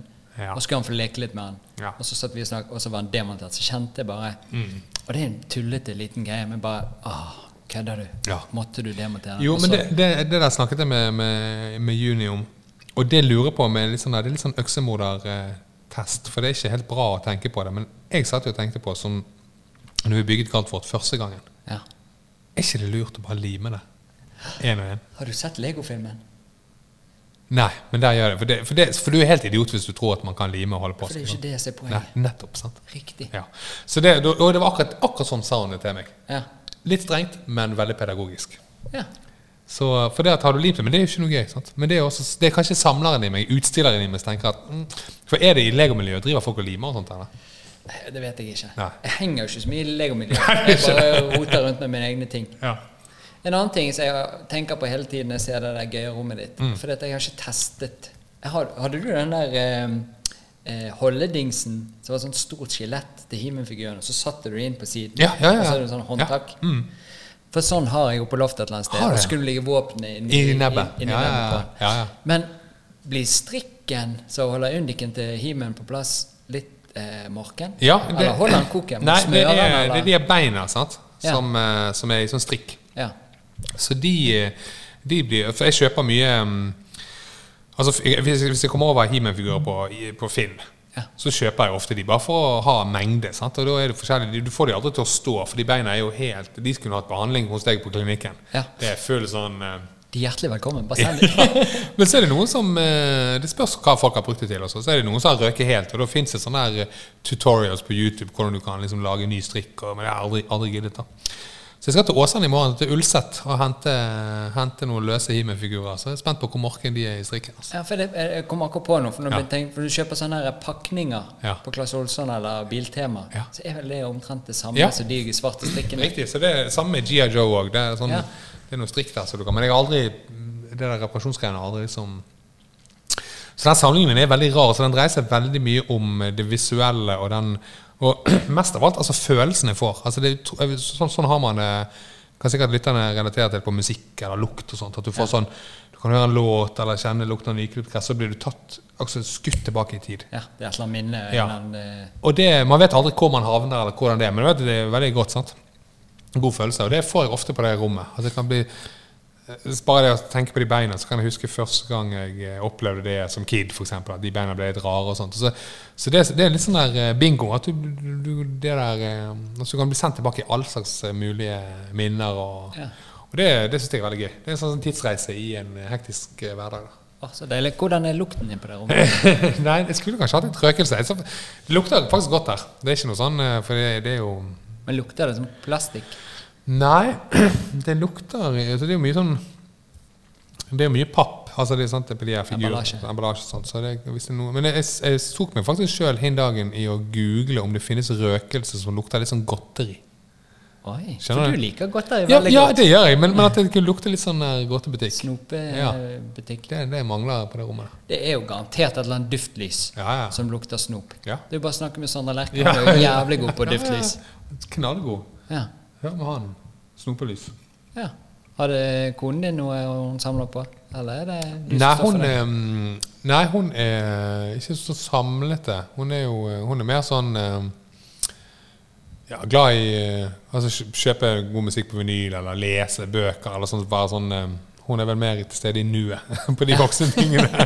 Du skal alltid tilbake til du var ti. Men hun skjønner det veldig godt. Hun skjønner veldig godt um, greiene med hun. Og det er, sånn, sånn, det er vittig når jeg snakker med iver og glede, som jeg gjorde med å, å møte Kiss eller de tingene, så, så forstår hun det, men hun har ikke samme altså hvis- hun er veldig fan av The Smiths, eksempel, eller Morrissey, eller sånne ting, så har ikke, har ikke hun noe behov eller tanker om at hvis hun hadde truffet altså, Skjønner du hva jeg mener? Altså, Ja. det, vi, vi, var, vi var på eh, familieferie for to år siden og traff i Altså, eh, Da sto jeg på bagasjebåndet i København, og så kommer gitaristen i The Smiths. da. Og så blir jeg bare helt sånn Jeg blir bare helt eh, ungdom. Og liksom sier liksom til min samboer liksom, Hva skal jeg gjøre? Altså, skal jeg ta bilde? Og hun bare «Hva- Hæ? La han bare se Her, der er han. Det holder vel, det. og så gikk hun på do, og da gikk jeg bort til han og så sa jeg bare du, jeg, må, jeg vil bare takke deg for musikken. Det, jeg tok ikke noen bilder, eller noe sånt, men bare sånn takket og bukket. Og han fikk en liten prat med han, og så kom jeg tilbake til junior, så er hun bare ah, ja, ja, ok. Ja. Så hun skjønner ikke det greiene. Hun skjønner ikke det der eh, Og det tenker jeg, det er jo mange som ikke gjør det. Men um, jeg blir helt satt ut, jeg. Når jeg eh, sant? Altså, så bare tenker sånn som du hadde hatt uh, f.eks. Tommy T her. Ja. Da får jeg med en gang sånn, da går legendebarometeret mitt opp. Tenker jeg, faen, shit, Hvis han hadde det, kommet inn her nå, så måtte jeg liksom det, var, det er noe der. Altså, jeg, alle mine parametere på, på suksess og inspirasjon og sånt, det kommer jo fra folk man ser opp til. Ja. Så det tror jeg også er en viktig del av um, det jeg holder på med. Du vil liksom imponere de du ser opp til, og du vil være så bra at du kan være kollega med dem. Sant? ja. Så, uh, Samtidig så er du deg sjøl. ja, ja. Inni er du livredd. Inni er du, sant? Later du som. Oi, helsike. Men når du sier at du må gjøre de vanlige pappagreiene, hva er det Ja. for noe? Jeg er jo ikke pappa. Nei, Så du, har jo, så du var god med hunden din, da. Ja, jævla god med det, det, Nei, det er um, Det er jo Ja, jeg har jo um, tre barn. Jeg har Sofie på 16 fra tidligere forhold. Hun er eh, forresten dritbra i håndball. Altså er sånn håndballtalent. Ja, og knebeskytterne Ja, ja, dønn på høyt. Og jeg trener liksom fem dager i uken og før skolen og alt dette her. Og så har jeg mm, har meg og Juni, da, Jonas på seks, og Hedda på tre. Og Sofie er hos oss annenhver uke, så vi er jo liksom til tider er vi jo ganske mange i det huset. da Så, um, så det er jo på en måte det viktigste jeg gjør. Alt det der andre holder på med, er sånn fantasiverden. sant? Å være på TV og radio og sånn. Så det er jo Og de driter jo i det. Altså, de, Ja, de syns ikke det de er så det, er ikke akkurat så Jonas på sex syns at ukjent arving er spennende. Han vet knapt hva det er. Ja. Så, um, nei, så det er jo noe av det kjekkeste. Å ha tid med de og holde på å være liksom Ja. Løse de Middag òg, da. Ja, ja. Er du god? Nei. Helt elendig. Hva er det beste du lager? Nei, jeg er jo et barn av eh, 80-tallet, så jeg, altså, jeg er på sånn altså, Det er Toro, og det er blandinger. Det er mye Ja. karbonadedeig-basert uh, Lasagne? Og- Juni hun, hun jobber jo i Steinar barnehage, så hun er dritbra. Så lager alt fra bunnen. Oh. Alt. Og mye vegetarisk uten at noen av oss er vegetarianere. og sånt. Men jeg er mat altså, For jeg har fått liksom Det med at jeg har stukket meg fram med musikk og, og TV, og sånn, så har du liksom fått litt sånn Jeg har fått Firestjerners middag-forespørsler og Kamp Kulinaris og Nei, nei, nei. Du har ikke noe Du har jo ingenting å gjøre. Altså ingenting. Altså, det har ikke vært gøy for noen å se på. Helt elendig. Kanskje det som er gøy. Det var jo gøy da Ylvis lagde middag Ja da. på Fire stjerners middag. De var jo helt eh, Ja, sant, Animert. men De er jo gøy i tillegg. Men, men nei, det der med middag, middag altså, jeg, eh, Det er Der treffer du et eh, sårt punkt. Ah, okay. Nei, jeg er, Det er er du god, eller? Ja, jeg er ganske god. Ja. Jeg tror bare jeg har ikke denne ideen om at uh, det er noen regler. Nei? Og så tror jeg jeg har flaks. Ja. Og så bare passer ting sammen. Jeg syns i hvert fall det er dritgodt. ja og jeg og, Og så tror jeg kanskje folk sier at det er dødsdigg, Ja. for da fortsetter jeg bare å lage mat. Litt sånn som når jeg skulle vaske klærne mine hjemme hos når jeg bodde hos min mor. Ja. Nei, nå må du begynne å vaske klærne Ja. selv. Og så bare rotet det til. Ja, ja. Sånn at de bare tok over. Og så bare Å, nei, men det var fint, og så slipper du. Sånn. Kan være det noe sånn. Enten er jeg Jo, god, nei, eller så er folk bare jævla greie. For meg er det altså Man ramser opp summen av alt jeg gjør, fra samling til familie til jobb og sånn, så er det, eh, det, er maten som blir skadelidende. da. Det, den, den har ikke jeg tid til. Sant? Så det er veldig sånn at jeg eh, Altså, jeg har en halvtime til tre kvarter til å lage middagen til familien. Og jeg lager middag nesten hver dag. Altså, jeg er ofte tidligere hjemme enn de andre, så når Juni tar de med hjem fra skole og barnehage, så, så, så um, Men det er liksom veldig sjeldent eh, ting jeg lager fra bunnen av. Da skal det liksom være en spesiell anledning. Ja. Men jeg er veldig glad i å gå ut og spise. Meg og Juni spiser mye god mat ute og sånt, og er enormt glad i det. altså. Hvor er det. favorittstedet? Nei, vi var jo uh, Apropos typer. altså eh, Morten uh, Tungsvik og Ja. eh, Bare disse greiene. Når Juni hadde bursdag sist, så var vi på den eh, Ja, Bare. Den uh, Michelin-restauranten. Ja. I Bergen. sant? Og sinnssykt digg. De bare disker opp de sykeste tingene. sant? Heldigvis.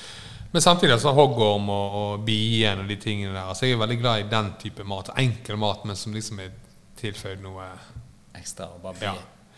Så, uh, og, og, og her i Oslo er det mye sånn thaimat og det, Nei, det, ja, så jeg liker, jeg liker veldig godt mat, da. Ja. Men det er liksom Det er sånn som hvis jeg skal gjøre noe som er handy hjemme. Det er jeg ikke bra på.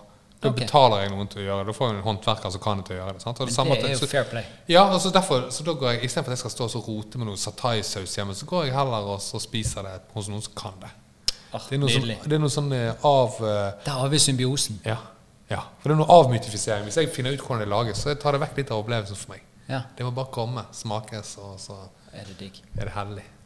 Gud meg. Og så den her jeg- jeg- jeg, sånn, Det er så mye rare ting oppi hodet. Det er sånn mitt Jeg vet Ja, ikke. Hodet mitt helt er helt tussete. Ja. Men uh, den stjerneposen Altså den godteposen? ja. Ja. Og de der føssene dine. Ja, De der uh, ja monsterfissene. monsterfish- For du husker de? Ja, det er Ja, jo helt sykt. for de var jo så store. Ja, ja, ja. Og så sprudlet de på tungen. Ja, ja. Nei, det, det er helt altså, Det er igjen til, til lytterne. Det er noen godterigreier som vi hadde på 80-tallet. Monsterfiss. De kom i sånne gule, gule pakker. Du tror de var gull? Ja, var de grønne? Nei da. Men iallfall eh, så um, Og de husker jeg kjøpte, for de kostet kanskje en krone. eller sånt, og De var bare dødsfære. Så det var bruspulver, sant? og så var det sånn monsterlogoer på dem. Så da fant jeg på Finn eh, en eller annen eh, garasjeselger som solgte de der boksene som lå i godtebutikken. sant? Sånn skrulokk. Ja. Ja. Helt, men de var helt tomme. sant? De, Ja. hun, hadde, hun hadde de. Så kjøpte de for, for en hundrelapp eller noe sånt. Og så bare kom jeg over på eh, eBay. Det var en fyr som solgte Oi, for det er fra utlandet. Ja, det er fra USA, tror jeg. Ah. Men det er helt umulig å finne. Jeg har aldri funnet det før eller etter. Men han solgte jeg tror det var 16-20 sånne, kanskje. Så bestilte jeg de. Selvfølgelig, må jo ha de. Ja. Kom de i posten, og så får du det der kicket igjen. Åpner opp, og så bare blir du satt tilbake til barndommen. sant? Og så hadde de eskene, putta det inni, og så ser du Oi, faen, det var akkurat sånn det så ut på den lokale butikken. Sant? Så det, er- de er- det er jo helt ubrukelig for andre, men for meg er det bare sånn åh, faen, det der eh. Og den stjerneposen òg fant eh, eh, Fant jeg også hos en sånn bruktbutikk på Østlandet. Uåpnet. Men der, hva er det så oppi? Du har en sånn ufo-kjærlighet? Ja, og det var og, Men det er jo helt, altså, det er jo helt nerd. Jeg, jeg, jeg hadde en radiosending for noen uker siden om 80-tallet. eh, Hadde du? på radioen, Og da sporet jeg opp de som lagde Stjerneposen. Det var et firma i, på Østlandet. Oi. Men han fyren kunne ikke være med og snakke om det. da. Han var 74 år gammel mann som eh, drev med Han var sånn eh, lektor holdt på og underviste om handels- og dagligvare. sånn, Ekspert på dette. her da. Ja. Men jeg hadde en samtale med han på 20 minutter eh, på privaten. Han fortalte meg hvordan de, for de drev og lagde, Det var ikke Brynin eller Nidar eller noen av disse store. Det var et, firma som het Gisholt i Skien. Ok. Så det de gjorde var at de hadde stjerneposen de, med sånn, det var hull, det var sånn stjerner på coveret. sant? Eller Ja. på, også ganske kul logo. Og gjennomsiktig den store stjernen. ja, så du kunne se igjennom hva som var inni. Og så um, fortalte han at de sto og pakket de, de pakket de på kontoret. Det var en jente som jobbet, jobbet hos de sånn, som sånn sidejobb. Sant? Gikk på skole. Og så, så lå bare de posene på bordet. Så var det puttet de inni. Liksom make i alle. Ja. Og så um, hadde de kjøpt inn en sånn, noen pakker med sånne Idol-kort fra Holland, tror jeg det var. Okay. Og da var det um, da var det ABBA, det var Star Wars, det var Kiss. Det var helt random. Og så sto disse unge jentene og puttet de inni. sant? Og så zup, tok de og, og lukket igjen. Og jeg skal se om jeg finner fikk, du bilde av det? Ja, ja, han, han, han sendte meg Så jeg ble helt sånn Jeg må lage en podkast eller en eh, dokumentar eller så, så bare det at han fortalte meg de tingene der Og jeg, jeg kunne jo takke han for sant? Kiss-kortene er jo um, Det er jo grunnen til at jeg havnet der jeg havnet. For jeg begynte å spille trommer og havnet på, på radio pga. det. sant? Så nå viser du meg noe her. Her er Vi sendte meg sånn, sånn så det her Så de kom i kassevis. Ja.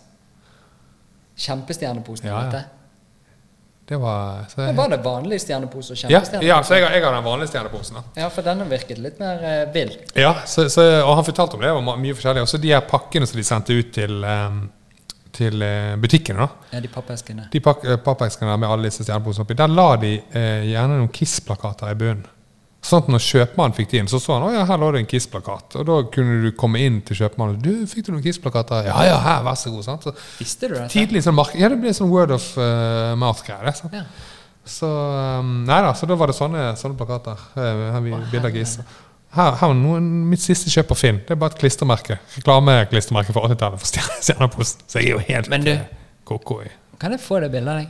Jeg kan sende deg alle disse bildene. Gud Du kan ikke få posen, da. Den er Nei, nei, nei. nei. den er- Men det er jo tilbake til posen, for jeg Ja. bare tenker på en ting. For du husker den, sant? Ja, ja. ja. Ufoene oppi der. Ja. Ufo-kjærligheten. Ja, ja. Og så hva Nei, er så var det um, Det var litt forskjellig, for det de gjorde, var at i og med at ikke de lagde det sjøl, så kjøpte Det var litt sånn som når du lager uh, bursdagsgodteposer i barnebesøk når ja. du er liten. Sånn. skal fiske dam. Ja. Ja. Sånn, altså, det, var Mentos oppi, det var sånne jeg håper å si, sånne skumgummiløstenner. sant? Ja. Sånne ting. Så de bare kjøpte litt inn sånne ting. Og, så, og det fortalte han òg, for de, de var litt sånn uh, De var jo ikke en del av den store Det var veldig populært, men de var ikke en del av den store uh, godtebransjen. sant? Nei. Så Mattilsynet stoppet produksjonen av altså, stjernepose i midten av 80-tallet. For de testet alle løs ja, de, ja, Før de putter- de ville teste de. Nei, de, de, eh, de trodde det var E-stoffer i det. Ulovlige E-stoffer. Og det fant de ut at det ikke var, men det gikk de aldri ut med. Så, så det ble et enormt sånn oppstyr med at eh, foreldrene lot ikke barna sine spise det. Giftig. Jeg trodde det var giftig. Så det, de fikk en liten dump på 80-tallet, men det, de solgte det til langt ut på 90-tallet. Sånn, ja. tidlig 90-tallet i hvert fall. Så, um, nei, så den er viktig. Det er kanskje det viktigste jeg har i, i samlingen min. Altså, Ja, den er fin, eh, uåpnede godteposen. Men når du fikk de der monsterfissene, Ja. spiste du en?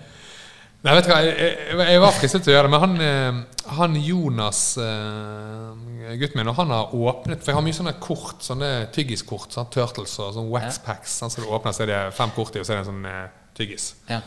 Så han, han har åpnet noen sånne og smakt på tyggisen. der. For det, det har så mange av, at det får han lov til. Ja. Men det er sånn, det er jo det, det er jo så mye stoffer i det at det holder jo formen ennå. Ja. Men all væske og alt er jo sikkert sevet ut, så det er bare Det er knusktørt. Ja. Det er som å spise sånn eh, Jeg vet ikke. Sånn uh, nattverdkjeks. Og har er, er vi der? Jeg kommer på. Av en eller annen grunn så har jeg smakt det en gang. Men uh, nei, så det mm, Så jeg tror ikke det er farlig å spise det, men det er jo uh, Det er ikke så digg. Men det, når jeg ser, jeg kan jo se gjennom uh, plastikken på posen. Det ser jo ut som det er pakket i går, altså. Det er helt nydelig. Altså. Så det er jo eh, Jeg vet ikke om vi skal tørre å gjøre det. altså. Nei. spar på den. Hvis det dukker opp en ny stjernepose, så går det Ja, å ha en kan litt vurdere. sånn Eller hvis, hvis jeg skulle dø nå, så må du spørre familien min. Åpnet dere posen? Smakte dere på det? Kan jeg få slikke litt på den ufoen? Den ene, for du husker den?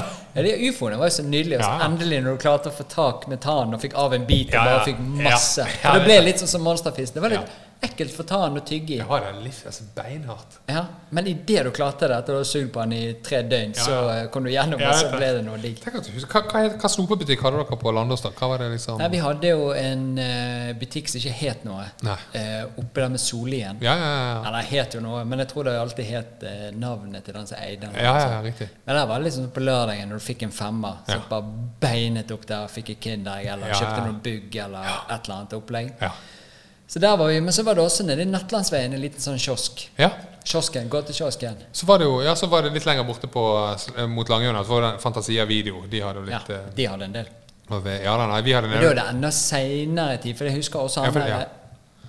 Nei, Hva heter han? De hadde også sånn her eh, sukkerspinn Ja, på pose. ja, ja. ja, ja. Noe sånn rosa Ja. eh, sukkerspinn. Ja, fargen vet jeg ingenting om. Nei, men- ja, og så var det nede i eh, Der som det er blitt så hipt nå i Bergen, Skostredet, så var det en som het Molly, gammel dame som hadde sånn Ja. snoppebutikk. Ikke den der lenger. Nei, jeg tror ikke Ja, for en, en sidegaten. Ja, nå er altså. det lenge siden jeg har vært i Bergen.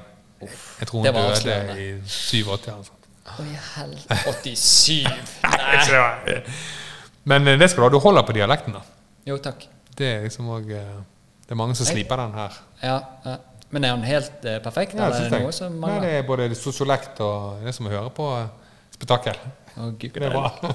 Men du, noe som eh, Siden du sa i sted eh, din sønn og sånn, ikke var så interessert i den der ukjent arving og alt det der.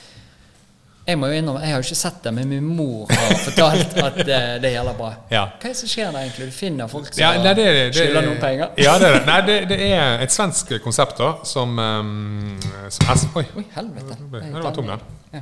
Ja. Nei, SVT har laget, og da er et konsept som NRK ville jeg skulle gjøre. Da. Det- De spurte meg et par ganger, og så sa jeg bare nei, for det er ukjent arving. Og det hørtes så gammelt ut. sant? Men er ikke du en sånn ja-kis, da? Jo, men jeg sier jo nei når jeg tenker at ah, det, det er jo ikke helt meg. Det kan Ja. noen andre gjøre. Men så sa de til meg Men du, ta sjekk det ut, for i Sverige så er det han Niklas, han um, utegående reporteren til Skavlan, han høye med de um, hornbrillene. Ja, rå fyr. Så, så tenkte jeg, «Å ja, han har gjort det, da kan jeg gjøre det. Sjekk sjekke ut. Og Det er da et konsept eh, kort fortalt som går på at i Norge så er det 10-20 mennesker sånn, statistisk som dør hvert år som, der man ikke finner slekt Okay. og arvinger. Ja. Og I Norge så er arveloven slik at eh, barna dine arver hvis du har de. Hvis du, du har foreldre som lever og du dør, og du ikke har barn, så er det foreldrene dine som arver. Søsken arver. Og det siste som kan arve, det er søskenbarn. Sant? Tremenninger og sånt. Det, Det er for langt ute. Ja, for langt ute. Så søskenbarn er Så når da en eh, eldre dame dør på, i et eldresenter på Landås, Ja. eh, eller kanskje i en leilighet på Landås, eh, så er det en bostyrer advokat som går inn og sjekker litt. sant? Og Når han selger leiligheten, så er det jo plutselig tre millioner. ja. Og så gravlegger de hånd, og så går det noen eh, titusenlapper der. Så, men det er tre millioner igjen etter hånd, da. ja. Så driver denne advokaten og leter etter slekt. Han finner noe, går litt, eh, litt på nettet, snakker litt med folk, finner ikke noe. Saken blir lagt død. Eh, pengene går til staten, tre millioner. Og da har man ti år på å overprøve det. Sant? Ja. Så vi tar ut sånne saker, og så går vi i arkiver i-. Ja, ja, for det, det er noen summer som, som, som vi har hentet ut av. Men da, da går vi, for vi har litt bedre tid enn disse advokatene. Sant? Så vi kan gå i arkiver, kirkebøker, sette sammen ting, intervjue folk, danne et bilde. Og så plutselig så finner vi da Hvis f.eks. Um, faren eh, din har fått, hadde barn fra før, eller noe er hemmeligheter i familien, så er det jo noen slektsavgreininger som dukker opp der, som gjør at vi Ja. kan finne folk som ikke visste om. Sant? Og det er mer enn du tror. Altså, så, så i, de, i de fleste tilfellene så finner vi, finner vi altså arvinger ja. til eh, folk som har etterlatt seg alt fra mm, 70 000 til 15 millioner. Altså det er helt ånds, Wow. summer. Så, så det høres ut som et gameshow, og det, og det var det jeg tenkte først. at det var sånn, ta-da, der står jeg som en sånn Dan Børge-fyr. Men programmet er jo, dreier seg om historien til disse eldre folkene som har vært helt usynlige, men som bare har noe helt ville liv. sant? ja. Har vært i krigen eller har vært eh, modell i altså helt sånn, ingen har visst om. Vi forteller de historiene og finner gamle bilder og danner et eh, bilde av livet til disse. her, Og så har vi da denne historien som vi forteller til de vi finner som arvinger. Så de får både en slektning de ikke visste om, de får en vill historie, og de får da i mange tilfeller penger. da. Så det er ikke, ikke rart din mor syns det er spennende. Vet du hva? Eh, nå skal jeg se det. Er det sesong to nå? Vi, vi lager sesong to eh, nå. Eh, sesong, første sesong gikk på TV i høst. Ja. Og det var, det var vanskelig å vite hvordan det ville gå. For, men det gikk altså, noen av episodene har nådd eh, altså setter han rundt 900 000 mennesker. Altså Det er et Oi. sinnssyke tall i dagens TV. Ja, det altså, det ligger på rundt sånn eh, 700 000-900 000. Og det er jo mer enn eh, de andre tingene jeg har gjort til, f.eks. eksempel. Eh, Så, um, så det har truffet et. Det er gode historier, og det er liksom familier og ting man alle kan kjenne seg igjen i. Så, um, så det er spennende å holde på med. Men for da eh, farter du rundt overalt, Ja. og det er da av og til ser du på tog og Ja, ja, ja. alle mulige steder. Men også dukker de her stavkirkene opp. Hva er det med deg og For du liker jo eh, ikke bare Kiss. Nei. Du liker jo sånn sinna musikk. Ja, jeg, jeg vokste jo på, på i Bergen sant, tidlig 90-tall. Da, da, da skjedde jo dette black metal-greiene. sant? Ja, Greven og gjengen. Greven og gjengen. Og han bodde jo rett nedi gaten. sant? Og da var det liksom, hadde du plutselig den der Kiss-mystikken midt i byen din. sant? Ja. Gikk liksom, jeg gikk, Vi husker vi gikk rundt på Apollon og rundt Garasje. Ja, var det. på platebutikken og gikk rundt i byen og så etter disse her. Bare for å se dem. sant? Plutselig hadde du sånne rockestjerner i egen by. Så jeg har alltid vært fascinert av den, eh, den greien der. da. Og eh, så, sånn, Alt som har med den historien så det, det er jo mye forferdelig med, med drap og det er kirkebranner og ting som jeg på ingen måte støtter. Men jeg syns det, det er noe spennende med at noe så stort eh, eller så rart i musikkverdenen har oppstått i Norge og til dels i Bergen. sant? ja. Og så utbredt Ja, hele verden. kjempestor. Sånn, når vi turnerte rundt i USA med datarock og kom på disse klubbene, så fikk vi gjerne ingen hjelp av det lokale crewet, helt til vi sa at vi er fra Norge. Og, og, og ja, Black, og da ble de plutselig våre bestevenner. Sånn. Så det er sånn, nå er jo Kygo og Alan Walker og ting som har tatt helt av, men, men før det så var liksom black metal det var det som var Det kom fra Norge. ja, sant? Så, så når jeg er ute og reiser, hvis jeg har en anledning til å besøke kjente steder, som, eh, så gjør jeg det. altså. Tar jeg et bilde. altså. Ja, for jeg har fulgt med på det. Ja, det er jo helt eh, Jeg er sånn nerdete, men jeg, altså jeg, Det er så deilig nerd. Det er gøy når folk nerder. Ja, jeg er altså, så for eksempel Sist jeg hadde en søndag fri i Oslo, på, sånn som jeg har i dag, da, så tok jeg tog til Langhus stasjon, som er 20 minutter fra Oslo SR. For å være der ti minutter, så jeg kunne ta toget tilbake igjen. For å ta bilder av en sånn eh, eh, togstasjon. Ja. Sånn venterom som Mayhem tok noen veldig kjente pressebilder på, ja. på 80-tallet. Og når jeg kom ut så får jeg helt sånne, nesten sånn spirituelle opplevelser. Faen, her er jo det, her har det skjedd et eller annet. Du kan kjenne vibben ja, kjenner vibben, sant? Og, og det er en kjappe som heter Neseblod Records her i Oslo, som er Naieblod. en Naieblod, som er, som er lagt i Bergen. Som er bygget på eh, de, de gamle lokalene til en sånn legendarisk eh, butikk som heter Helvete. Da. Og der har de en kjeller som, som en av disse her typene på, eh, på tidlig 90-tall tagget black metal på veggen. Ah, ja. Det er en vanlig sånn råkjeller, men når jeg går ned der, så er det, så tenker jeg at det er noe her. ja. Det er jo bare oppi hodet mitt, men, det, men igjen, Jo. du snakket om vib tidligere. Så det er noe med sånn, jeg liker det der, kjenne på en sånn eh, Så jeg kan ofte oppsøke steder. Sant? I USA og sånt. og Ja. her, har Kiss vært, her har de gjort det, her uh, gjorde Mötley Crew, her bodde Mötley Crew. Så ser folk dumt på meg. Men så tenker jeg, faen, det bare står på utenfor dette huset, så tenker jeg det er et eller annet der. Sant? Var det samme følelsen når du sto utenfor Portveien 2 her forleden? Helt make. Jeg gjorde jo det. Da tenker jeg, her, dette har jeg sett på TV. Aldri vært der. Kjente du eh, vibben. Ja. Men det er jo helt, det er et helt vanlig sted i 2021. altså Det jo, har jo ingenting ved seg. Men det er et eller annet trigger et eller annet i mye. Så det, det det neste på listen min. Det er Borgen skole. For det er den, det er, en- det er jo, den fins jo ikke, men det er den skolen som de brukte som bakgrunn. Ja. Midt i smøret. Den er jo, det er, jeg husker ikke hva, hva om det er Uranienborg eller hva det er. Men eh, sånne ting. Det er det neste jeg skal gjøre. Oh, ja, det er oh, Ja. Du skal bare i skole. Jeg kan, jeg kan vise deg. Ja, neste gang. Trikking skal du ta bilde av meg, så slipper jeg å ta sånn dum selfie. Nei, du er flink. Altså. Har du stang, egentlig? Det var bare jævla lang arm. Lang arm. Trommearm. Faen, min mor de fikk jo eh, selfiestang. De fikk eh, tilbud de ikke kunne si nei til når de var på Klasse Olsson og kjøpte noe. Så bare, når, du ha med, når du har kjøpt så mye nå at du fikk med en selfiestang for hundrelapp eller noe sånt. Og så har de hatt den med seg nå. Ja. Gud a meg, så praktisk. Ja, ja. At når, selfie tar jo du uansett. Ja, Det har vi tatt siden du var kid. Altså Alle har stått og tatt noen bilder. Med langt kamera, ja. Men eh, med den der dingsen altså, det er det fjernkontroll i Du kan trykke på i skaftet? Ja. Shit, altså. Så- Men trikset er jo da å ikke få det til å se ut som At du har en stang. Du må være Du sånn, bare vinkler den Se en annen sånn. vei, så ser det ut som bare Å det er en sånn kul vinkel på det. Ja. Men det fete er jo hvis du er en liten gjeng, sant? Ja, ja, så har ikke du ja. lang nok arm til å få med alle, og så blir det litt sånn anstrengt. Ja, ja. Men du har stang denne, Åh, Jeg ja. tror ikke selfiestang er så drit, jeg. Da Kanskje du har fått en idé? Rått du ser meg på sånne black metal-steder og utenfor Bortveien 2 med selfiestang. I rosa. Du Ja, tror den er Jeg blå. tror den var blå. Fikk en god deal. Du solgte restlageret på Claes Olsson. De bare ja, ja. Du mener den blå der? Og så tenker han ja, ok, du skal få kjøpe tre rosa her til. Det er ikke dumt. Nei, det er ikke dumt i det hele tatt. Du, dette er så forbanna gøy. Og, Ja, jeg eh, eh, meg. Vi har, vi, Nå har vi plaget lytterne dine med å catche opp. Det er det vi har gjort. Ja. Catchet opp på livet. Ja. Jeg skulle jo inn etter det der jazzgreiene og masse musikk her, men Ja, eh, det hvis, det, hvis det anledningen byr seg, så tar vi det igjen. Ja da, det er bare å eh, Og vi, eh, vi skal jo henge. Vi har avtalt.